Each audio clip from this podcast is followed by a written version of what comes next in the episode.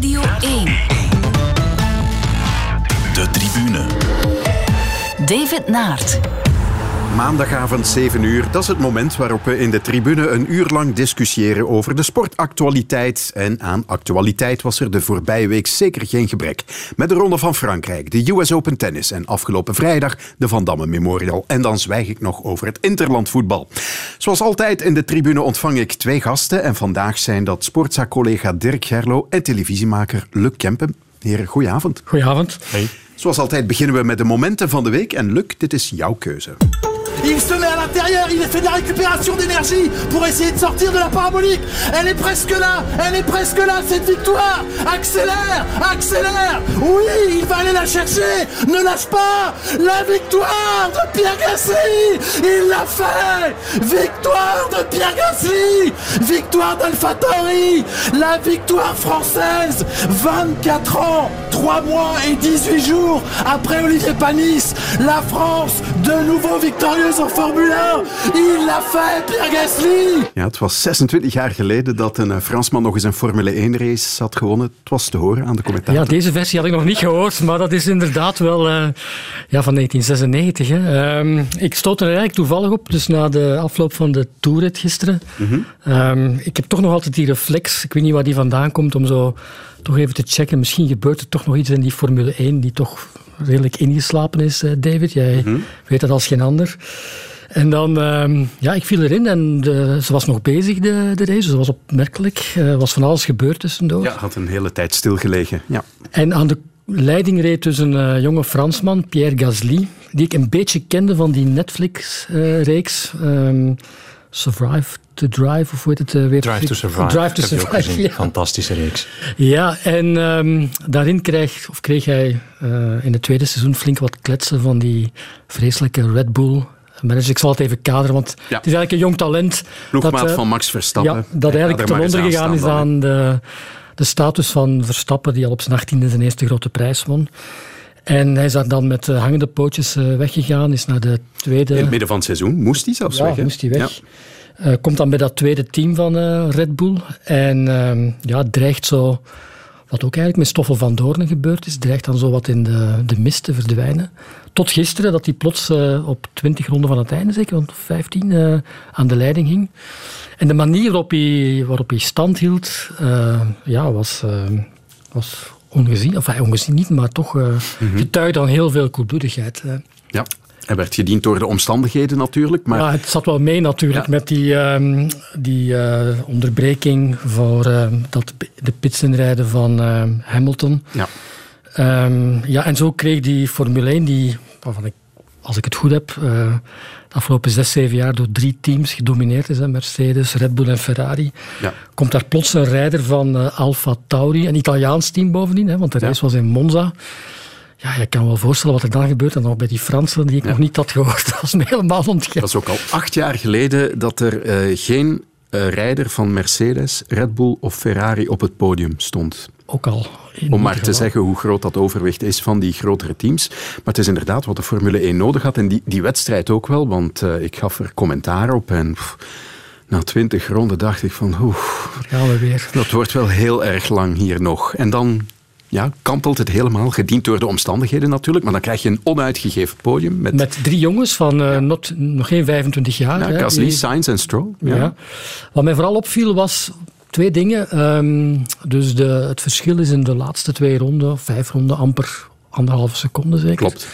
En op een bepaald moment komt die uh, Carlos Sainz Jr. wel heel dicht. En dan krijgt hij vanuit de pits de opdracht om zijn tweede plaats veilig te stellen. Terwijl, ja, kan niet geloven wat hij... Ik kon het zelf ook niet geloven wat hij hoorde. Want ja, ik wil die, die Fransman hier voor mij inhalen. Zijn dat de... Ja, de de, de oude heerschappij in de Formule 1, waarbij Goh. vasthouden wat je hebt, de laatste tijd toch dat meer aan de orde is. Voor een team dat ook van heel ver terugkomt natuurlijk, McLaren. Dat, uh, maar Sainz had ook nog geen wedstrijd gewonnen, dus de honger was even groot als bij die Pierre Gasly. En dat maakte het net zo boeiend, vond ik. Ja. En het tweede wat mij opviel, uh, na de race, dus het parkeren aan het podium, en dan moet je eens naar die banden van Gasly kijken. Daar blijft dus amper iets van over, dat is versleten tot en met hoe hij die laatste twee ronden um, stand heeft gehouden tegen die oprukkende Sainz. Ja, dat is, als je dat dan ziet, maakt het eigenlijk toch nog uh, fenomenaler. Mhm. Ik heb een commentaar gisteren wel besloten met uh, Gasly, Sainz, Stroll. Je kunt er donder op zeggen dat we dat podium volgende week niet zullen zien. Leuk. nee, maar ik heb nu begrepen dat de volgende Formule 1 is op het circuit van Mugello. Hè, dat toch bekend staat als een circuit voor MotoGP je begint toch te denken van moet die Formule 1 eens niet naar dat soort circuits mee? Zandvoort zou er nu dit jaar bijgekomen zijn. Mugello is uh, ongekend ook. Uh, lijkt ook misschien wel in staat om voor verrassingen te kunnen zorgen. Ja, het zit daar toch een beetje... Het zat daar vast de afgelopen jaren. En oké, misschien is het maar uh, voor één keer, zoals jij dan zegt, dat het de volgende keer weer helemaal anders is en terug naar de orde van de dag. Maar het heeft mij toch een apart half uurtje televisie bezorgd. En dat is lang geleden bij de Formule 1. Ja, genieten ervan. Ja, tot, wie weet wanneer het terugkeert, inderdaad. Goed, dit is het moment van Dirk. Wat gaat er zondag gebeuren in Menen? Dus zondag wordt uh, ja, hier in Menen een halve triathlon georganiseerd. We starten om 8 uur.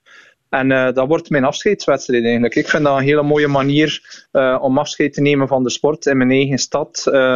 ja, eigen publiek. Ik wil, ik wil absoluut op een ja, een sportieve manier of een, of een hoogstaande manier afscheid nemen van de sport.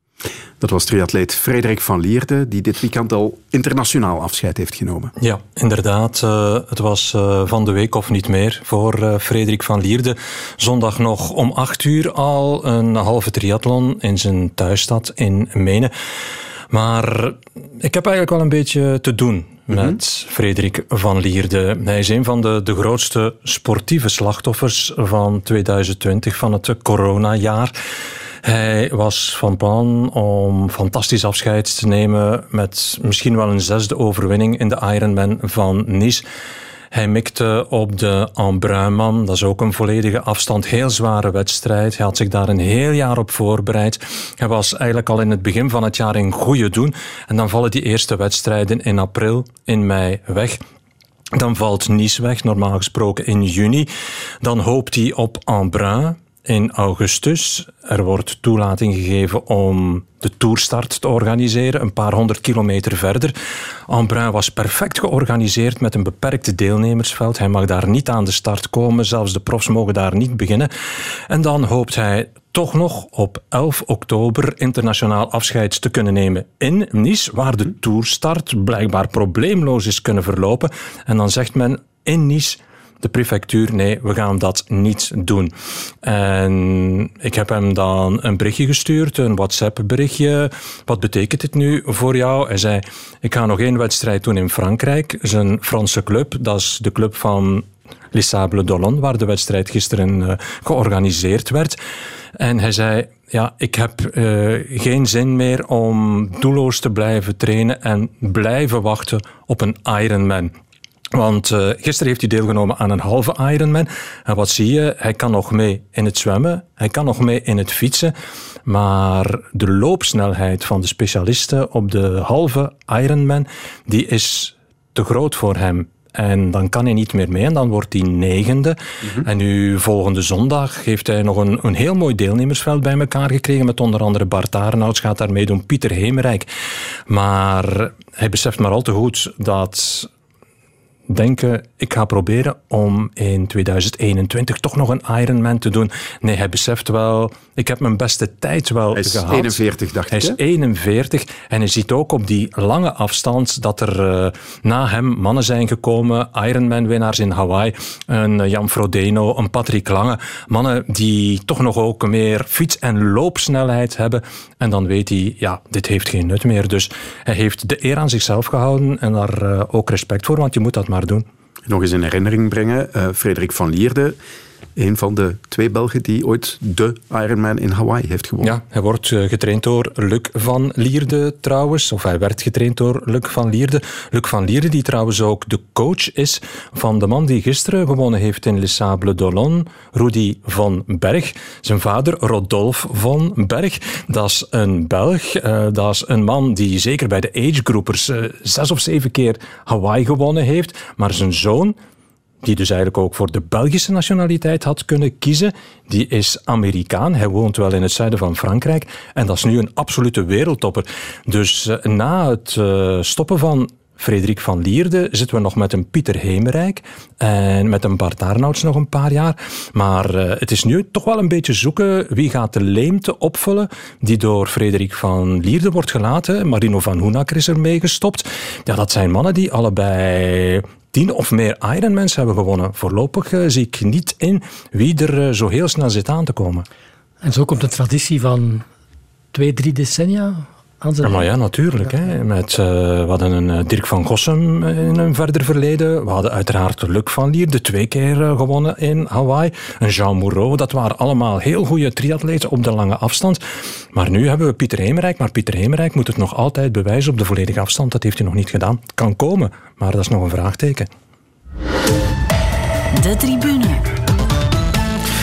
We gaan een tennishoofdstuk aansnijden en laten we beginnen met de disqualificatie gisteravond van Novak Djokovic op de US Open. Gisteravond beleefde de topfavoriet voor de US Open in de achtste finale een heel moeilijke eerste set tegen de Spanjaard Pablo Correa Busta. Djokovic geraakte gefrustreerd omdat hij een aantal setpunten niet kon benutten en zelfs zwaar onder druk kwam te staan op zijn eigen opslag. Wanneer die opslag bij een 5-5 stand gebroken wordt, mept Djokovic zonder te kijken een bal naar de achterlijn. De bal treft het strottenhoofd van de vrouwelijke lijnrechter. Djokovic beseft onmiddellijk wat hij gedaan heeft en gaat zich uitgebreid verontschuldigen. Na een discussie van liefst 12 minuten wordt de nummer 1 van de tenniswereld uit de US Open gezet. Op Instagram verontschuldigt hij zich voor zijn ongecontroleerde gedrag. Door dit voorval voel ik mij heel triest en leeg. Ik heb bij de organisatoren gevraagd naar de toestand van de lijnrechter en ik dank God dat zij het goed maakt. Ik wil mij uitermate verontschuldigen voor wat ik haar heb aangedaan. Het was zo onopzettelijk. Ja, een pijnlijke episode toch wel voor uh, Novak Djokovic, maar een logische beslissing van de scheidsrechter, Dirk. Het is de enige correcte beslissing natuurlijk. Er bestaat zoiets als een Grand Slam rulebook. Uh, ATP heeft zo ook een boek, de reglementen. En daarin staat uh, onder andere aggravated behavior, um, abuse of ball, unsportsmanlike conduct. Ja, en onder die drie termen valt het allemaal samen te vatten natuurlijk. Hè. Wat hij gedaan heeft, ik heb nog een paar keer bekeken, dan zie je ook, het is zeker niet zijn intentie van die lijnrechter te raken, maar het is wel gebeurd natuurlijk. En dan weet je dat de uitsluiting volgt. Ik vond dat het nog heel lang geduurd heeft. We horen daar net twaalf minuten. Waarom hij nog heeft staan discussiëren. En een van die zinnetjes die me dan bijblijft is van, ja, maar ze moet toch niet naar het hospitaal. So what? Dit heeft er niks mee van doen. Je weet, als je zoiets doet, dat je wordt uitgesloten. Trouwens, een paar jaar geleden, in 96 op Roland Garros, is hij aan de uitsluiting ontsnapt, Novak Djokovic. Mm Toen gooide hij zijn racket weg en toen miste hij op een haar na ook een lijnrechter. Hij heeft het nog eens voor gehad op Queens na een wedstrijd tegen Dominique Thiem. En dan slaan de spelers al eens een balletje in het publiek om hen te bedanken voor de steun. Maar hij was kwaad omdat de ontmoeting niet echt gelopen was zoals hij het wou. En toen sloeg hij ook een bal wild in het publiek. Dus hij heeft zijn temperament op dat soort momenten niet echt mee.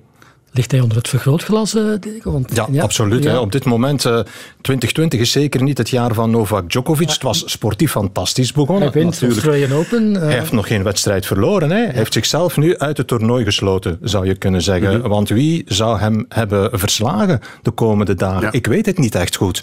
Maar, maar er was ook de hele corona-episode met die Adria Tour die Adria hij organiseerde. Tour, waar dan de verontschuldigingen heel laat kwamen. Hij is daar als een dief in de nacht vertrokken heeft uh, daar de coronatest niet laten doen. Hij is naar huis gevlogen, daar pas de coronatest positief getest. Dan was er zijn voorbehoud, een vaccin. Nee, dat hoeft niet echt ja. voor mij. Dan is hij naar Amerika gegaan, maar het heeft ook heel lang geduurd voor hij de beslissing heeft genomen. Want ja, mijn entourage, twee personen, drie personen, dat is toch veel te klein. Heeft ook niet verbleven in het spelershotel. Nee, hij wou zijn eigen huis met eigen security, noem het allemaal maar op. Een soort van privileges wou hij. Hij is dan ook wel onder druk komen te staan. Hij is begonnen met de oprichting van een eigen vakbond.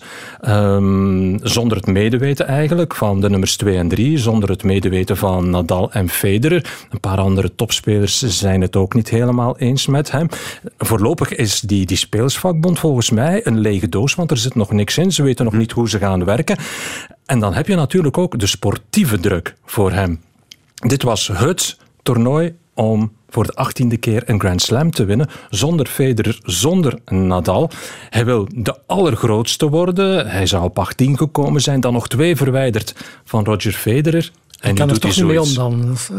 Eh, ja, hij heeft zijn temperament in mhm. alle gevallen. en je mag gefrustreerd zijn op de baan, dat is geen enkel probleem. We zijn nu blij als we een David Goffin gefrustreerd zien, als we die vuisten zien. David Goffin vorige week eh, tijdens het toernooi van Cincinnati in New York heeft hij ook zijn racket nadat hij een eh, break uit handen moest geven, weggegooid. Gelukkig was er niemand in de buurt, er stonden ook geen lijnrechters. Maar dan zijn we blij dat David Goffin dat doet. Djokovic doet dat. En onder het vergrootglas en ja, de enorme pech. Hij is een paar keer in België geweest om Davis Cup te spelen. En wat mij er altijd aan frappeerde was die entourage. Ik denk dat hij een van de spelers was met er liepen altijd vijf, zes van die jongens rond hem. Is jou dat nooit opgevallen? Of? Ja, natuurlijk. En ja? is niet de enige, hoor. Nee, oké. nee, nee, nee, nee, nee. Rafael Nadal zijn entourage is groot. Uh, Roger Federer zijn entourage is groot. Andy Murray. Wat zijn allemaal dezelfde types van die Servische jongens die, waar, die de wereld aan hun voeten hebben liggen. Uh, bon, ik kan ja. niemand tegen mij zeggen als ja. Nee. Ik ga toch twee stappen achteruit als ik ze zie afkomen. Ja. Eh, eh, wat ik me nu afvraag is, uh, hoe gaat hij ermee omgaan straks? Ik ga ervan uit, hij heeft zich verontschuldigd en hij gaat werken aan zijn attitude. Mooi. Maar ik ben nu eens benieuwd als hij naar Rome trekt. Dat is het land uit eigenlijk. Of, ik durf denken dat hij nu al lang terug thuis is. Maar dan gaat hij naar Rome en dan gaat hij naar Parijs. In Parijs is hij niet zo geliefd. Stel je voor dat hij iets doet wat uh, niet meteen kosher is. Ja, hoe gaat het publiek erop reageren? We weten dat het Franse publiek een heel chauvinistisch publiek is. Hoe gaat hij daarmee omgaan? Hoe gaat hij omgaan met de reactie van de andere spelers? Dus uh, dit is echt een heel moeilijk jaar voor Novak Djokovic. is het dan zo dat Federer en Nadal hun PR beter onderhouden dan hij? Want als speler is het ja, maar, lust voor het Federer toch zeker wel. Dat ja, is, ja, en ook Mr. Clean. Rolex, weet ik ja, Oké, inderdaad. Ze zijn allebei Mr. Clean. Maar maar nu heeft hij een enorme kans gemist, Novak Djokovic, mhm. gisteren. In plaats van vijf minuten nadat hij van de baan was gestapt, in een wagen te stappen en uh, de site van de US Open te verlaten. Nee, wat had hij moeten doen? Hij had naar de persconferentie moeten komen en hij had daar moeten zeggen van ik bied mijn verontschuldigingen aan, wat ik nu gedaan heb is niet echt slim. Nee, wat komt er? Een kwartier of een half uur later een post op Instagram die hij niet zelf geschreven heeft, maar zijn PR-team. Doet iedereen, ja, nee, dat, dat, is, dat is gewoonweg niet slim. Dus hij had een kans om het goed te maken en hij heeft dat nagelaten. Ja, even over dat mannentoernooi nog. Uh, ik wil eigenlijk de parallel trekken met de Formule 1 van daarnet. Het wordt wel interessant, hè? Ja, uh, voor de eerste keer in jaren uh, is een keer iemand anders dan de grote drie die het toernooi zal winnen. Zo. Ja. Uiteraard, Federer en Nadal, die waren er al niet bij, maar nu Djokovic is er nog uit. Ik denk jongens onder de 28 jaar. Hè? ja, ja. Uh, ik, nu, ik denk wel dat Djokovic nog een Grand Slam gaat winnen. Hè. Hij gaat er nog wel meer dan één winnen, denk ik. Ik heb het nu over het toernooi in New York. Ja, wel, maar nu moet je eens kijken. Ik heb het daar net eens even opgezocht. Wie zitten er allemaal nog in? Shapovalov, Rublev, Tiafo, Medvedev, Deminauer, Auger Aliassim, Choric, Sverev. 21, 22, 22, 24, 21, 20, 23 en 23 jaar. En dat is natuurlijk goed nieuws. We hebben jarenlang met de grote drie geleefd. Ze hebben ons fantastische tennismomenten geboden. Maar uh, nu zie je eigenlijk dat die jongere generatie toch ook wat meer ervaring begint te krijgen. En dat ze meer en meer gaat de kans grijpen om Grand Slams te winnen. Het gaat nu al gebeuren. Vraag me niet wie. Ze hebben allemaal een kans. Maar, uh, de reden dat ik hier op mijn stoel zit te schuiven is omdat het straks na de uitzending is het OG tegen Team. En die jonge Canadees van 19 jaar. OG Aliassim? Ja, die tweede 20 jaar is nu net 20 jaar. Voor het gemak laat ik er even af, maar um, ik zag die van de week bezig. 6-1, 6-1, 6-2. Oké, okay, tegen een ja. Franse... Ja. Frans die, ja, maar dat maar, lijkt me toch wel iemand die... Ja, uh, ja maar Canada heeft de tennistoekomst. Hè? want ze cool. hebben niet alleen uh, die Shapovalov, Shapovalov en Auger Aliassim, die hebben een paar jaar geleden de Davis Cup voor de jeugdteams gewonnen. Dus uh, Pospisil, dat is dan een 30-jarige, die zit er ook nog in. Dus met hun drietjes domineren zij eigenlijk op dit moment voor een stukje het wereldtennis bij de mannen. Nog even over Djokovic. Hè. Ik herinner me natuurlijk die woede-uitbarstingen van Serena Williams hè, in de finale tegen Osaka. Wat zegt het handboek daarover uh, van de WTA, Dirk? Uh, want, ja, die... Dat is verbal abuse, hè? Maar zij... Um... Ja, maar zij is toen uitgesloten zij natuurlijk. Zij is, op geweest, ja, ja. Ze is toen uitgesloten. Uh, een van de eerste grote slachtoffers was John McEnroe begin jaren 90, misschien zelfs 1990. Uh, een, een, wedstrijd op de Australian Open, tweede of derde ronde, tegen Mikael Pernfors, een Zweed. En John McEnroe, we kennen hem. Het ging niet zoals hij het wou. Hij heeft een eerste waarschuwing gekregen, hij kreeg een tweede waarschuwing, een punt penalty, een game penalty en de derde waarschuwing betekent meteen uitsluiting. Dus hij ging er toen uit. Dus ook verbal abuse. Hè. Je moet niet meteen met een racket gaan gooien. Nee, nee, een beetje te veel vuile praat. Jeff Durango op Wimbledon die de stoelscheidsrechter Bruno Rebeu uitschold, die is er ook uitgegaan. Hè. We hebben er zo een paar. Hè. Ja. Nu ik het sprake gebracht heb, Serena, het zou toch wel heel bijzonder zijn dat ze in dat kale, lege Flushing Meadows nu, uh, want ze heeft in zes jaar niet gewonnen, denk ik, op de US Open, mhm nu de titel zou grijpen. Hoe zie jij dat? Uh, ik weet niet, ze is op dit moment uh, aan het spelen. Ja, tegen Sakari, eerste set gewonnen 6-3 en uh, eh, 4-3 voor de Griekse in de tweede, maar on-serve allebei. Ja, de kansen zijn er natuurlijk. Hè. Zij is nog altijd, zeker in New York, de speelster met de meeste uitstraling. Er zijn een aantal toppers niet daar, onder andere ook specialisten op hardcourt. Uh, Natuurlijk wel. De jongste twee edities op de US Open, de jongste twee edities in Wimbledon, heeft ze wel verloren. Dus de vraag is, speelt dat ook een beetje mee? Dat record, die 24 evenaren van Margaret Smith Court, dat kan een beetje in het hoofd spelen. Ah ja, en dan heb je de parallel met, uh, met Djokovic. En, maar zou, ik, ik herinner mij Roberta Vinci, uh, al die, die halve finales, finales, waarin ze toch ook Het zal nu moeten gebeuren, denk ik. Ja.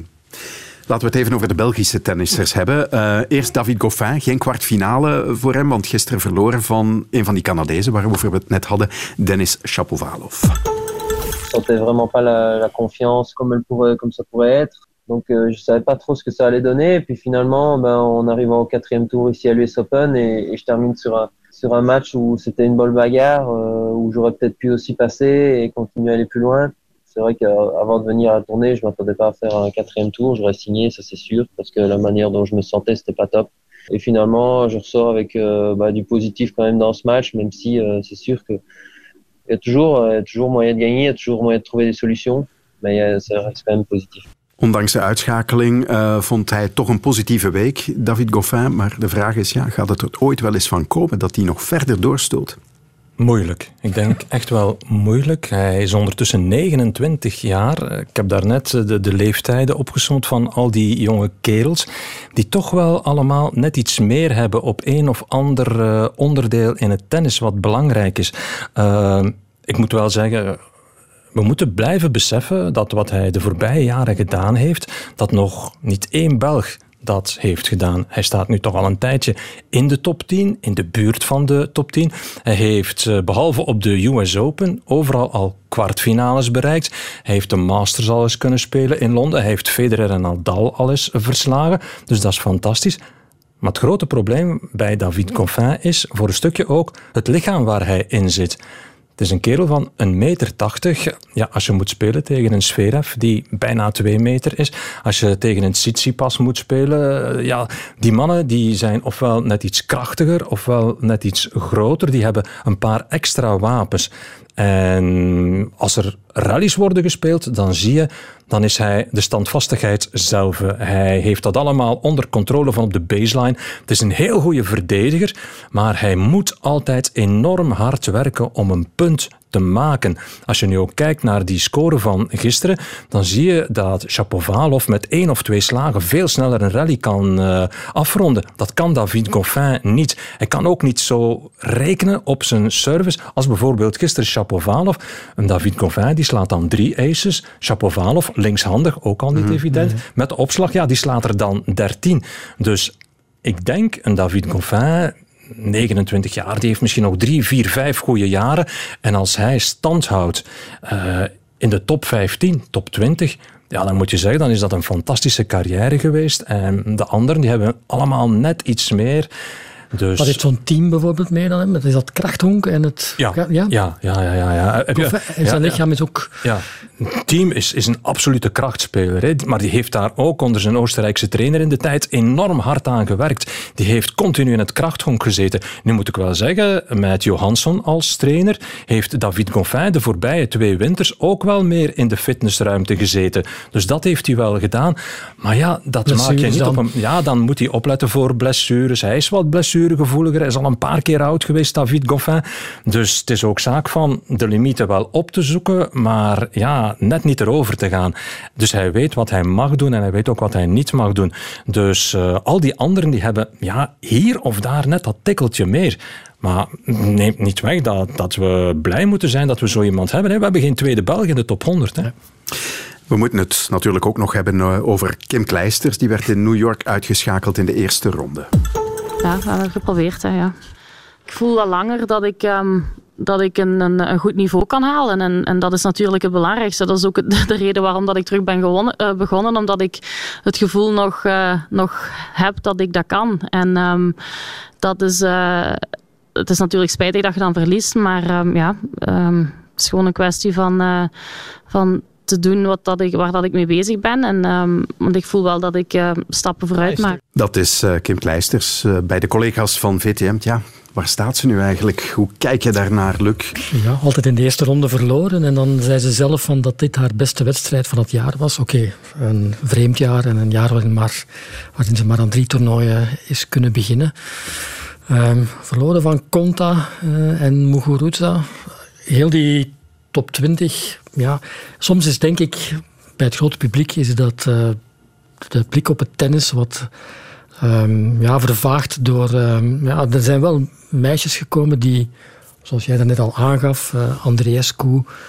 Um, noem ze maar op. Kenny nu, uh, die Amerikaanse die Australian Open gewonnen heeft. En die vannacht tegen Elise Mertens. Ja, we lijken daar allemaal maar vanuit te gaan dat die altijd minder zijn of het door hun wisselvalligheid uh, misschien aan atletisch vermogen ontberen. Maar ja, dat is natuurlijk toch niet waar. Uh, ik denk dat het... Ja, ik zag toevallig gisteravond, uh, zonden ze bij PlaySports de finale van 2009 tegen Wozniacki nog eens uit van de US Open. Dat is wel een harde confrontatie, want daar staat natuurlijk een andere, een halve andere tennisspeelster. Ik weet niet... Ja, ja, tuurlijk. Ja, um, ja. ja in dat opzicht um, zijn die zeven, acht jaar dat ze eruit geweest is. Ja, dat, is gewoon te veel geweest. Dat is gewoon te veel geweest. Ze heeft ondertussen drie kinderen. Laat dat ook niet vergeten. En het is duidelijk heel, heel moeilijk om op competitiegewicht te komen. Uh, het grote probleem vind ik voor ons als journalisten. Wij krijgen absoluut, maar dan ook absoluut geen zicht op hoe zij zich voorbereidt. Ik heb vandaag bijvoorbeeld nog eens even naar de manager een bericht gestuurd. Ik heb hem proberen bellen. Ik krijg geen antwoord. Uh, ik wil wel weten, hoe gaat het nu verder? Maar, uh, maar je, je, weet ook nooit hoe heeft zij die periode in Amerika doorgebracht. Hoeveel uur heeft ze op de baan gestaan? Uh, zijn daar problemen geweest? We weten alleen, ja, ze heeft World Team Tennis gedaan, maar ja, dat is natuurlijk spielerij naar niet eens een set. Hè. Dat is dus, ja, oké. En dan zie je dat ze dat tennis, ja, die klasse, dat talent, dat heeft ze. Maar dat volstaat van geen kanten. Ik denk dat ze niet is gediend geweest door het jaar dat we nu meemaken. Absoluut niet. Uh, ze is met veel ambitie aan begonnen. Ze stond toen ook nog niet uh, scherp genoeg, dat weet ze ook wel. Maar nu zie je dat ze tennissend vooruitgang heeft geboekt. Die wedstrijd tegen Alexandrova, dat was een goede wedstrijd in de eerste twee sets. Ja, maar dan zak ze compleet door het ijs in die derde set. En ik heb het uh, vorige week ook al eens gezegd. Uh, ja, als je wil meedoen voor de prijzen, ja, dan moet je gewoon super fit zijn. En dan moet je een wedstrijd van 2,5 uur, 3 uur dat kunnen volhouden. Dan moet je die regelmaat hebben. Maar als de vermoeidheid parten begint te spelen, dan valt ook de techniek weg en dan kan je het vergeten. En, en wat voor soort verhaal is hij verzeild geraakt eigenlijk? Want is dit opgedrongen? Um, die, je hebt toch het gevoel dat in haar entourage uh, zijn de mensen verdwenen die het misschien wel eens tegen haar zouden zeggen van Kim, wat zijn nu eigenlijk de plannen of wat denk je hiervan? Uh, Karel Maas is er niet meer bij, is verhuisd naar Tenerife. Er zijn in de loop der jaren wel een aantal mensen uit haar entourage verdwenen. Absoluut. Zijn het alleen nog maar ja-knikkers? Ik, ik weet het niet. Ik denk dat ze met haar eh, nieuwe coach, en ik ben voor dikke zijn naam nu kwijt, uh, zoon van ex-tennisser, uh, dat dat een goede coach is. Uh, Nederlander toch, hè? Ja, Nederlanders. Voor de Ja, oké, okay, komt toch wel terug. Ja? Uh, ze had helemaal in de beginfase, had ze inderdaad nog een Karel Maas bij haar. Uh, ik heb die toen ook nog off the record gesproken, die geloofde er op dat moment in. Uh, ik kan ook niet... Uh, Hij sprak de waarheid. Fred Hemmes was het trouwens. Fred Hemmes junior. junior ja, inderdaad. Ja, klopt. Uh, ja, Sam Verslegers, haar kine toen. Uh, ja, die zag ik nu toevallig op de Memorial. was niet mee meer naar de US Open. Dus dan zie je dat ze eigenlijk zich volledig heeft losgerukt door omstandigheden. Van welke kant uit? Ik zeg het, we krijgen geen inzage, want als je iets wil weten, dan is het volledig de deuren dicht. Dus, dat was een Brits bureau, maar, denk ik, hè, dat haar begeleidt en haar, uh, haar zaken regelt, denk ik. Ja, ja. Die ja. ook haar, uh, het idee hebben verkocht van maar, haar verhaal te verfilmen en wat weet ik allemaal. Maar als je nu ziet hoe moeizaam dit allemaal gaat, de blessuregevoeligheid, die is, die is nooit weg geweest. Dat hebben we gezien op die World Team Tennis, wat eigenlijk maar spielerij was. Ja, uh, om haar reputatie intact te houden, zou het niet wijs zijn om er nu gewoon een streep onder te trekken en, en te zeggen: Oké, het was leuk, ik heb het geprobeerd, maar het is te hoog gegrepen, ik stop ermee. Wij zeggen met z'n allen volmondig: dit heeft niet echt veel nut. Want als een Kim Kleisters terugkomt, stel dat een Justine Nijn zei van ja, ik, ik wil terugkomen, dan, dan kom je terug niet om in de eerste of in de tweede ronde van een toernooi te worden uitgeschakeld. Dan heb je meer ambitie, dan wil je meedraaien, dan, dan wil je een halve finalist zijn, dan wil je een finalist zijn. Zoals we het nu zien, is dat absoluut onmogelijk. Het enige is, Kim Kleisters zal zich niks aantrekken van wat wij hier met z'n allen ja, denken. denk ik ook niet. Dus uh, zij gaat blijven doen. Maar toch denk ze... ik, wat mij opviel, en dat okay, het zijn dan lege tribunes, maar haar eerste wedstrijd wordt op koord 11 gespeeld. Ja. Het is zonder publiek en het, het is anders, maar het is drievoudig uh, winnaar van ja, de ja, US Open. Gezien, ja. um, ze komt terug na zes, zeven jaar en ze zetten haar uh, ergens op een achterafbaantje op Flushing Meadow ik, dat moet toch bij haar hard aankomen? Ja, maar dit, ik, ik heb begrepen van dat ze zich volop aan het bezinnen is. Als ik uh, het WhatsApp-bericht van haar manager Bob Laas lees, dat is van uh, nee, we hebben er nog geen zicht op. Dus ze is zich volop aan het bezinnen van heeft dit nog nut? Er komt nu een korte periode van graveltoernooien aan. Dat is nog harder werken om wedstrijden te winnen. Ja, gaat ze dat doen? En dan zijn er nog één of twee weken met toernooien indoor. Dan zitten we meteen Australië begin volgend jaar. Gaat ze daarop mikken? Weer een periode van vier maanden zonder wedstrijden misschien? Ik, ik weet het niet hoor. Is haar eigen erfenis aan het... Uh... Voor een stukje wel. Ja. ja. ja. Radio 1. De tribune.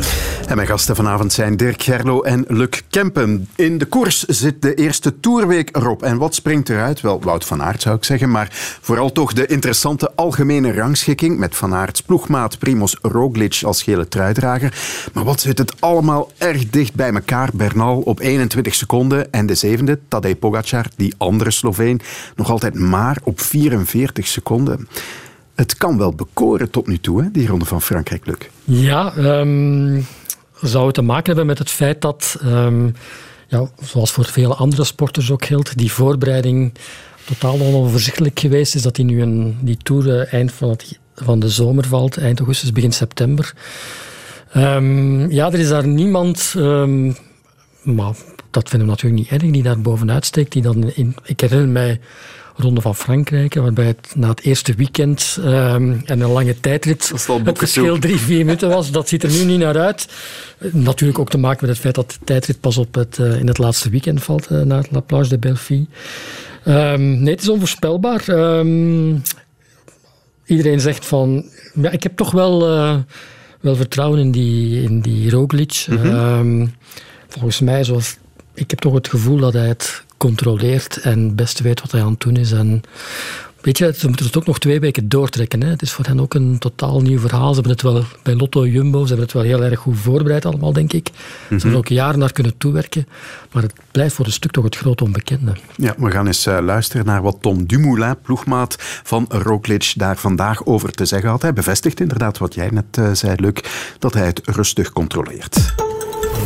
Op dit moment uh, ziet het er gewoon heel goed uit. En uh, hij voelt zich goed en hij voelt zich sterk. En hij heeft ook wel gezien dat hij, dat hij zuinig moet zijn. Omdat er concurrenten zijn zoals Pogacar en, en Banal en weet ik veel wie, die ook gewoon een heel, heel hoog niveau hebben. En, en, en zeker met hem kunnen wedijveren. Dus ja, dat zijn gewoon mannen die, ja, die, daar gaat de derde week echt doorslag geven wie, daar, wie dan de frisse benen heeft. Ja, Roglic tegen Bernal, tegen Pogacar. Zal het tussen die drie gaan, denk je? Ja, ik, maar ik heb bij Roglic ook nog geen spoor van twijfel gezien. Uh, dat gezicht, ik grijp daar niet graag naar terug, maar je herkent de schansspringer die, die wel wat onder, gewoon is om onder druk en weet ik veel wat uh, voor omstandigheden te moeten presteren. Ja, ik zie dat de hele tijd terug van ook die, uh, die aanval van Pogacar zaterdag op de Père Sourde. Ja, goed, laat hij een halve minuut rijden en dan houdt hij die voorsprong onder controle. Ik, ik, zie op dit moment geen reden, buiten wat we net gezegd hebben, van kan hij drie weken doortrekken, gezien ook die val. Mhm. Uh, in de Dauphiné, in de aanloop naar de Tour. Daar zou het misschien nog wel eens kunnen op aankomen, maar de rest uh, lijkt mij... Uh... Het zijn natuurlijk nog wel twee heel zware weken. Hè. Ik heb nog eens bekeken, je zit daar nog met zes, zeven ritten waarin echt heel, heel hard moet worden geklommen. Als het nipt wordt en hij wordt door een Pogacar, door een Bernal niet te ver weggereden, ja, dan heeft hij inderdaad nog die 36 kilometer tijdrit naar La Planche de Belleville. En daar weten we dat hij een pak sterker is dan de andere twee. Het is uh, de ploeg die ook voor een stuk bepalend zal zijn. En dan moet je nu zeggen, op dit moment, Ineos ik heb uh, niet echt uh, een hoge pet op van Ineos. Schim uh, van ziet, vroeger. Nee, als je ziet, die, die Carapaz die staat al op 3,42. Je verwacht een Amador toch in steun. Je verwacht een Dylan van Baarle in steun. Je verwacht Pavel Sikovakov. Oké, okay, de kerel is gevallen in de beginfase. Je ziet dat hij daar nog last van heeft. Maar dat Wat anders is dan vorige jaar, denk ik, is bij Ineos en dat vroegere Sky. ze hebben Carapaz, denk ik, een week voor de toerstart gezegd van je mag starten. Ja. Dat zou vroeger toch niet waar geweest zijn eigenlijk heel dat seizoen. Ja, Je mhm. kan je afvragen, heeft, heeft het coronavirus ook daar uh, huisgehouden? Ik weet het niet, maar uh, nu, Vroom vandaag in de Tirreno ook op uh, anderhalf minuut gereden, zag ik. ik weet niet wat de reden is, maar dat zou bij Sky twee, drie jaar geleden, zou het nooit zo ver hebben laten komen dat ze mm een van de luitenanten dan van Bernal, vier dagen voor de toerstart in de toerploeg gooien. Bernal zelf oogt wel goed, hè? Ja, Toch? Ja. ja. En ik vind het ik vind beter hè, naarmate een ronde vordert. Ja, hij weet wat het is om een ronde te winnen ook. Hij heeft het daar vorig jaar gedaan. Dat is niet onbelangrijk. Oké, Roglic heeft de Vuelta dan al wel gewonnen. Dus uh, Pogacar die was toen derde zeker in vorig jaar in de Vuelta. Dus die mannen weten wat het is om op een podium te staan. Maar daar waar het nu telt, in de ronde van Frankrijk, is Bernal de man die het gedaan heeft. Ik vind hem ook de, de mooiste, de meest stijlrijke klimmer van de drie. Maar dat zegt weinig. Dat zegt weinig. Dat zegt weinig, maar hij weet, hij, weet nu, hij, hij, weet nu ook dat hij de komende twee weken in de Alpen ook ja, echt op zijn terrein gaat komen. En ja, uh, als je naar dat klassement kijkt, hè, we zitten daar nog met 7, 8 man binnen de drie kwart minuut. Maar wat zie je dan ook? En dat is gewoon een weerspiegeling van wat we in de eerste week van de Tour hebben gezien. We zitten met vier Colombianen in de top 10.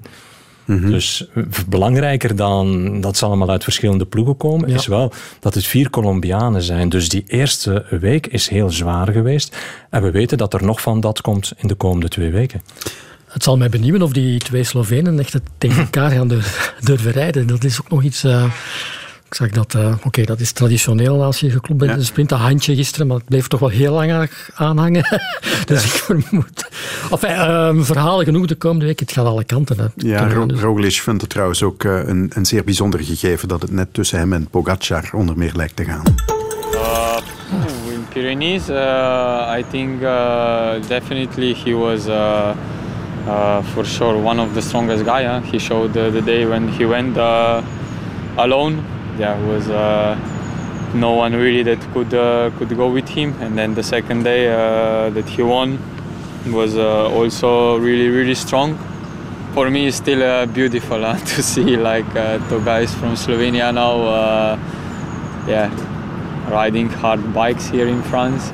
Crazy, crazy things. I think happening uh, yeah to, to have like uh, a nation like we are 2 million people uh, to have yeah and two best riders uh, at the moment uh, in the world. Hij koerst beter dan hij spreekt wel, Roglic. Maar opmerkelijk, hè? Dan twee... past hij in een reeks van vele toerwinnaars. ja. Maar twee toprenners uit zo'n klein land van 2 miljoen inwoners. Het, is, het, is, opmerkelijk. Die Pogacar, ja. De ploeg bij hem kan een handicap zijn, denk ik wel. Aru al uh, naar huis. Ja. Um... Minder sterk omringd dan Roglic. Mm. Ja, ik denk toch nog altijd... Um, hij is wel heel erg met zijn krachten aan het smijten en Oké, misschien met uitzondering van uh, Alaphilippe en, uh, en Bernal vorig jaar. Um, komt het toch in die, in die tour op aan van drie weken lang uw, uw verstand erbij te houden en u niet te laten meeslepen door bepaalde wedstrijdomstandigheden. En in dat opzicht is het, ja, verrekt er aan dat gezicht van, van Roglic geen spier. Dus ik... Ehm, ja, hij heeft het ook al eens gedaan, hè, die Vuelta. Dus hij heeft daar mhm. ook die Pogacar achter zich gehad. En dan heeft hij daar ook in de tijd afgemaakt. Dus, ja. Ik denk dat het uh, moeilijk is om Pogacar echt in te tomen. Een belangrijke rol weggelegd voor Alan Piper, durf ik denken. Uh, maar als je zei van ja, hij zal een beetje ingetoomd moeten worden. Maar kijk naar zijn vorige Vuelta, dan wint hij wel een rit in de eerste week. Hij wint een rit in de tweede week. En hij wint er eentje in de derde week. Bergritten. Mhm. Dus ja, ik, ik, zou hem zeker niet afschrijven. De Sloveense Evenepoel wordt die genoemd. Uh, zie jij de gelijkenissen tussen die twee, of de verschillen misschien? Hij is groter, denk ik. Hè. Um, hm. Wat explosiever misschien ook? Dat tijdrijden uh, zal ook wel een, stuk minder zijn. Uh, sprint was gisteren wel overtuigend. Ja, ik, misschien zijn ploeg inderdaad dat het daar. Hoewel bij Lotto Jumbo de, de maskers ook wel, wel afvielen. Uh, ja, dat is ook een heel Ik durf daar geen uitspraken over Met Dumoulin, die, die zichzelf dan helemaal opoffert. Uh, en ja, hij vindt zichzelf gewoon niet goed. Uh, hij zei dat vandaag ook nog eens. Ik, ik, ik voel me niet zoals ik me zou willen voelen. Ja, maar misschien nu hij weet van ik ga de Tour niet winnen, dat hij zich volledig ten dienste van Roglic gaat kunnen stellen. En ja, als je gewoon kijkt naar wat we de voorbije dagen hebben gezien, van die drie ploegen die azen op de eindoverwinning, is het team Jumbo-Visma wel in de breedte het sterkste team. Ja, dat klopt wel. Ik, uh... Dus als er iemand op een ploeg zal moeten terugvallen, wie gaat er meest kunnen rekenen op zijn ploeg, dan denk ik dat dat Roglic is. Ja. Het blijft toch wel fenomenaal, die ontwikkeling van, uh, Lotto Jumbo. Ik, uh, ik sprak vanmiddag nog uh, Dirk de Weert. Uh, ah, sorry, Kevin de Weert. Dirk de Weert. We zitten Formule 1. Formule, ja, ja. De rode draad in deze uitzending. die daar um, in 2015 zijn carrière beëindigd heeft. En dat gedaan heeft um, ja, op een manier waarop je nu denkt van... Ze hebben een aantal jaren um, trial and error gespeeld. Hè. Ik bedoel daarmee de eerste twee, drie jaren hebben ze heel veel fouten gemaakt. Ehm, de, de Weert is gestopt omdat hij... Um, ja, het, ging daar ook vooral over uithongeren en uh, op, op, bij wijze van spreken, drie rijstwafels een, een koers gaan rijden. Dus, en ik herinner me ook nog hoe uh, Dylan Groenewegen ooit op de Champs-Élysées voor een stuk hun tour gered heeft. Ja, ik, uh, ik kijk daar toch met, met, grote ogen en ook wel bewondering naar. Van hoe dat ze dat voor elkaar hebben gekregen. Om het Tour-hoofdstuk af te sluiten, nog twee elementjes. Um, eerst, vanuit Belgisch oogpunt, Wout van Aert en dan niks. Hè ziet er toch niet zo goed uit. Nee. Hij is de eerste Belg ook, denk ik, voor zover dat dat belangrijk is. In de mhm. top 50 of zo ergens, 48ste, denk ik. Um... Ja, van Avermaat moeilijk om een rit te winnen. Nase, nogal onzichtbaar. Ja, ik hoorde vanmiddag uh, in de wagen even de, de vriendin of de vrouw van Oliver Nase. En die vertelde, ja, al na de eerste dag hadden ze contact. En toen zei hij al, ik voel me al ontzettend moe. Oliver Nase. Dus ja, dat vind ik wel heel raar dat je al heel snel eigenlijk zegt van deze Tour dat wordt maar niks voor mij. En ja, Greg van Avermaat, we hebben hem in de aanval gezien. En dan eh, als de lastige slotkilometers bergop eraan komen, ja, dan moet hij afhaken. Het is natuurlijk ook niet de lichtste van allemaal. Uh, ik, veronderstel wel dat Greg van Avermaat uh, nog een paar keer gaat proberen. Dat wel. Als er een van de Belgen nog gaat proberen, dan in eerste instantie misschien de Gent en in tweede instantie Van Avermaat en Wout van Aert. Ja, als hij meegaat tot op het einde en hij kan daar de slotrit winnen op de Champs-Élysées. Ik denk dat dat een doel op zich is voor hem. Ja. De Lotto Jumbo is natuurlijk ook wel de ploeg geweest die... Um, ja, hoe lang zitten die jongens al samen? Dat die anderhalve maand, bijna twee maanden. Ik was uh, voor een reportage voor Bahamontes onlangs in Nice en hij zat bij mij op het vliegtuig op de, de heenreis naar, van Brussel naar Nice.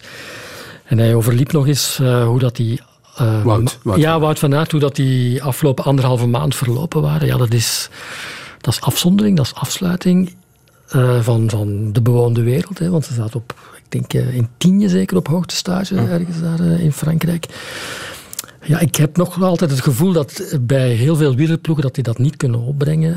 Mm. Zeker, en dan kwamen die coronatijden er nog bovenop, om op die manier doelmatig naar iets toe te werken. Ja. Ehm, het, het verwondert mij ook hoe lang, het, hoe lang hij het doortrekt. Want oké, okay, uh, de Ronde van Vlaanderen is 18 oktober, Parijs-Roubaix 25 oktober.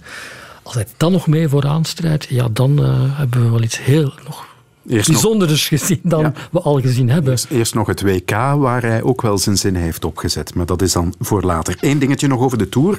Morgen de resultaten van de coronatests die gisteren en vandaag zijn afgenomen. Kijken jullie daar ook naar uit en hoe? Op het einde van de tribune is er altijd de vraag naar waar kijken jullie uit? Voilà. Ik kijk uit naar de resultaten. Ja, je weet gewoonweg niet wat je moet verwachten. Hè? Maar als je bijvoorbeeld ziet bij die min 17, bij de Rode Duivels, vanuit het niets een, een hele ploeg die positief test. Als je ziet hoe ze daar de Peresourde zijn opgereden.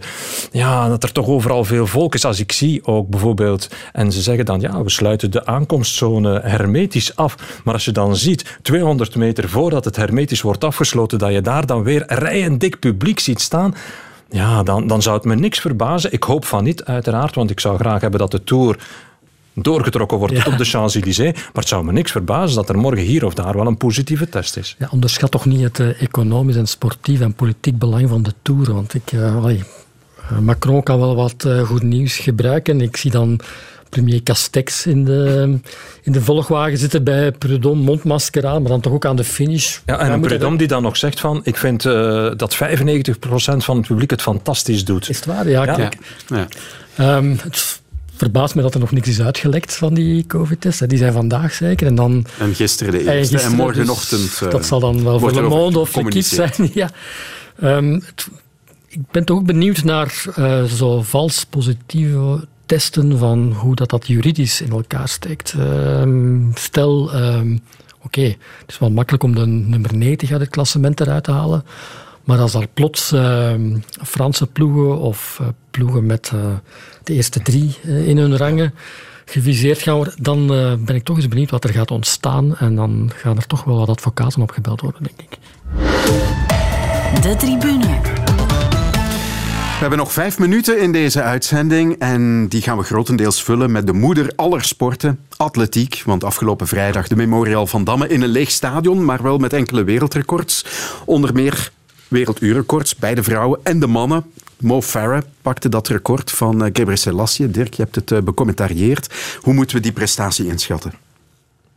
Hoog. Heel hoog inschatten. Als je ziet uh, wat het werelduurrecord was van Gebre Selassie. Dat was al een fantastisch uurrecord, boven de 21 km per uur. En als je dan ziet dat uh, Mo Farah 21 kilometer, 330 meter, Bashir Abdi amper 8 meter minder, dus ook sneller dan het record van uh, Gebre Selassie gelopen heeft, ja, dan is dat echt uh, fantastisch. Dat zijn rondjes van 67, 68 seconden.